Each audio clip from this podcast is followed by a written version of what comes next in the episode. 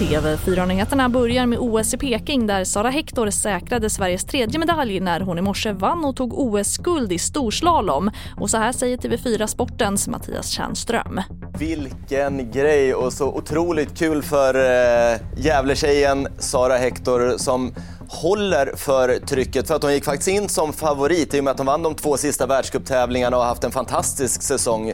Ehm, så var hon favorit och berättade att hon eh, hade kräkts hela morgonen för att hon var så nervös. Och sen eh, leda efter första åket, stå där och ha allt i egna händer och, även, och ändå palla det. det är otroligt starkt.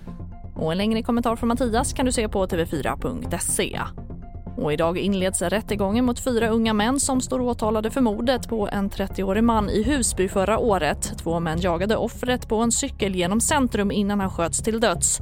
Övervakningsbilder från tillfället hjälpte polisen till ett snabbt gripande och tillhör nu bevismaterialet. Rättegången är planerad att avslutas den 25 februari.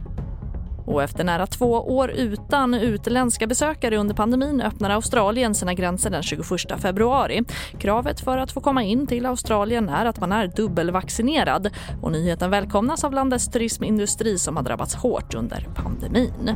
TV4-nyheterna, jag heter Charlotte Hemgren.